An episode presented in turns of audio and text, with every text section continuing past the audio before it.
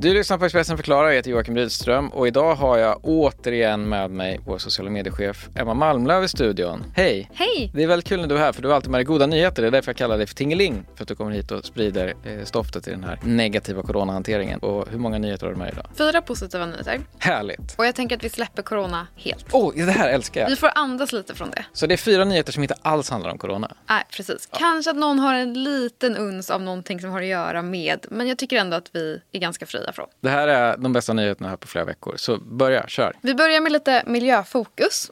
Coca-Cola och Carlsberg, ölmärket såklart som du vet. De företagen bland andra har nämligen gått samman nu för att ta fram en helt ny typ av flaska. Det ska vara en mer miljövänlig version av PET-flaskan. Den är ju i vanlig plast såklart.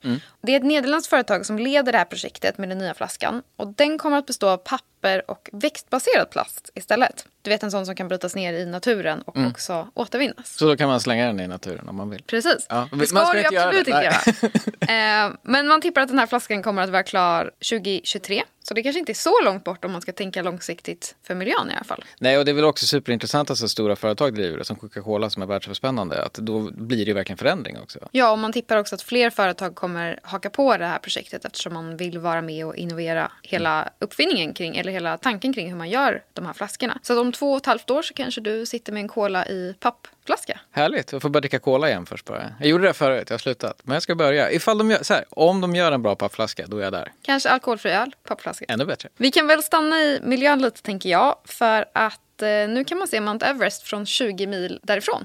Oj. Vet du varför? Sannolikt på grund av någonting som har med smog att göra. Precis. De här utsläppen som vi har pratat om i massa olika poddavsnitt, de har ju minskat. Så att föroreningarna försvinner och då kan man se berget från Katmandudalen.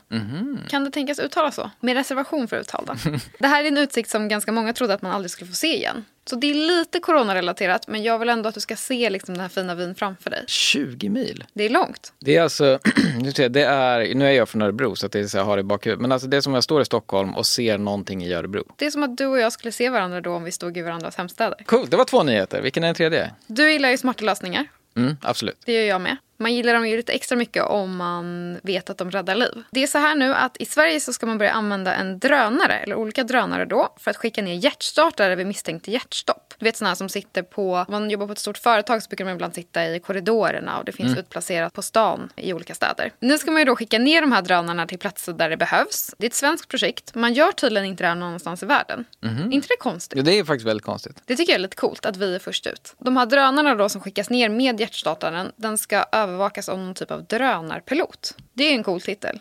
det vill man ju vara. Så de hamnar där de ska hamna och det här är helt perfekt. Det går snabbt och smidigt och eh, man behöver inte leta upp någon i närheten. Det är en fantastisk nyhet, men så här, saker som flyger runt i luften, det är också så här, vad säger så här, Flygfartsverket om att ska flyga drönare runt omkring i överstäder? Jag förutsätter ändå att det är godkänt. För det här är ett projekt som har pågått ganska länge. Nästan tre år har man tittat på det här. Så att förhoppningsvis har de liksom tagit med det här i kalkylen. Det får man ändå förutsätta. Det får vi hoppas, för det är en fantastisk nyhet. Det här var otroligt bra verkligen. Det var tre nyheter, vilken är den fjärde och sista du har med dig idag? Vi kan väl prata lite om vargarna i Sverige. Det kan vi göra. Hur bra koll har du? Jag har ganska bra koll på vargar på det sättet att jag härstammar ju delvis då från landsbygden. Så framförallt ska vi säga gamla bekantas Facebookflöden dyker vargen upp och oftast kanske inte jättepositivt vinklat. Det är ju kontroversiella djur. Men det är faktiskt så att den svenska vargstammen ökar efter flera års nedgång nu. Det har bara funnits 300 vargar innan i Sverige de senaste åren. Och eh, anledningen till att de ökar då, det är att man dels har minskat den legala jakten av varg. Men det är också så eftersom att det har varit ganska lite snö i vintras så kan man inte spåra djuren på samma vis. Och det har gjort att den illegala jakten också har minskat. Okej, så jägarna förf- de följer spåren, letar upp vargarna och sen skjuter de. Precis. Och, och nu kunde de inte göra det. Nej. Och det här kallar vargforskaren Olof Lidberg för ganska hoppfullt när han pratar med TV4. Som sagt, det är ett omstritt djur, men eh, nu är de uppe på 365 Oh. vargar. Ja, det är en ganska stor procentuell ökning ändå. Det är 20 procent. Mm. Så det har gjort skillnad. Och man brukar säga att ungefär 300 vargar behövs för att vargstammen ska kunna finnas kvar i Sverige. Så att vi har ju legat på gränsen där och nu är vi på rätt sida. Det var en väldigt bra nyhet. Det gillar vi. Och om man gillar ännu fler goda nyheter, då kan man ju som vanligt då, eh, man kan göra någonting med vår app för att bara få goda nyheter. Vad gör man då? Först måste man ju ladda ner den då om man Det är inte har den. sant, man ska ladda ner den, det är viktigt. Expressens app. Har man den redan eller laddat ner den nu så ser man en liten ikon längst ner som heter notiser. Trycker man på den så kan man ställa in notiser för vad man nu vill ha. Det kanske är glada nyheter då, tänker jag. Får man pushnotiser om, om allt som är härligt. Det tycker jag att alla ska göra.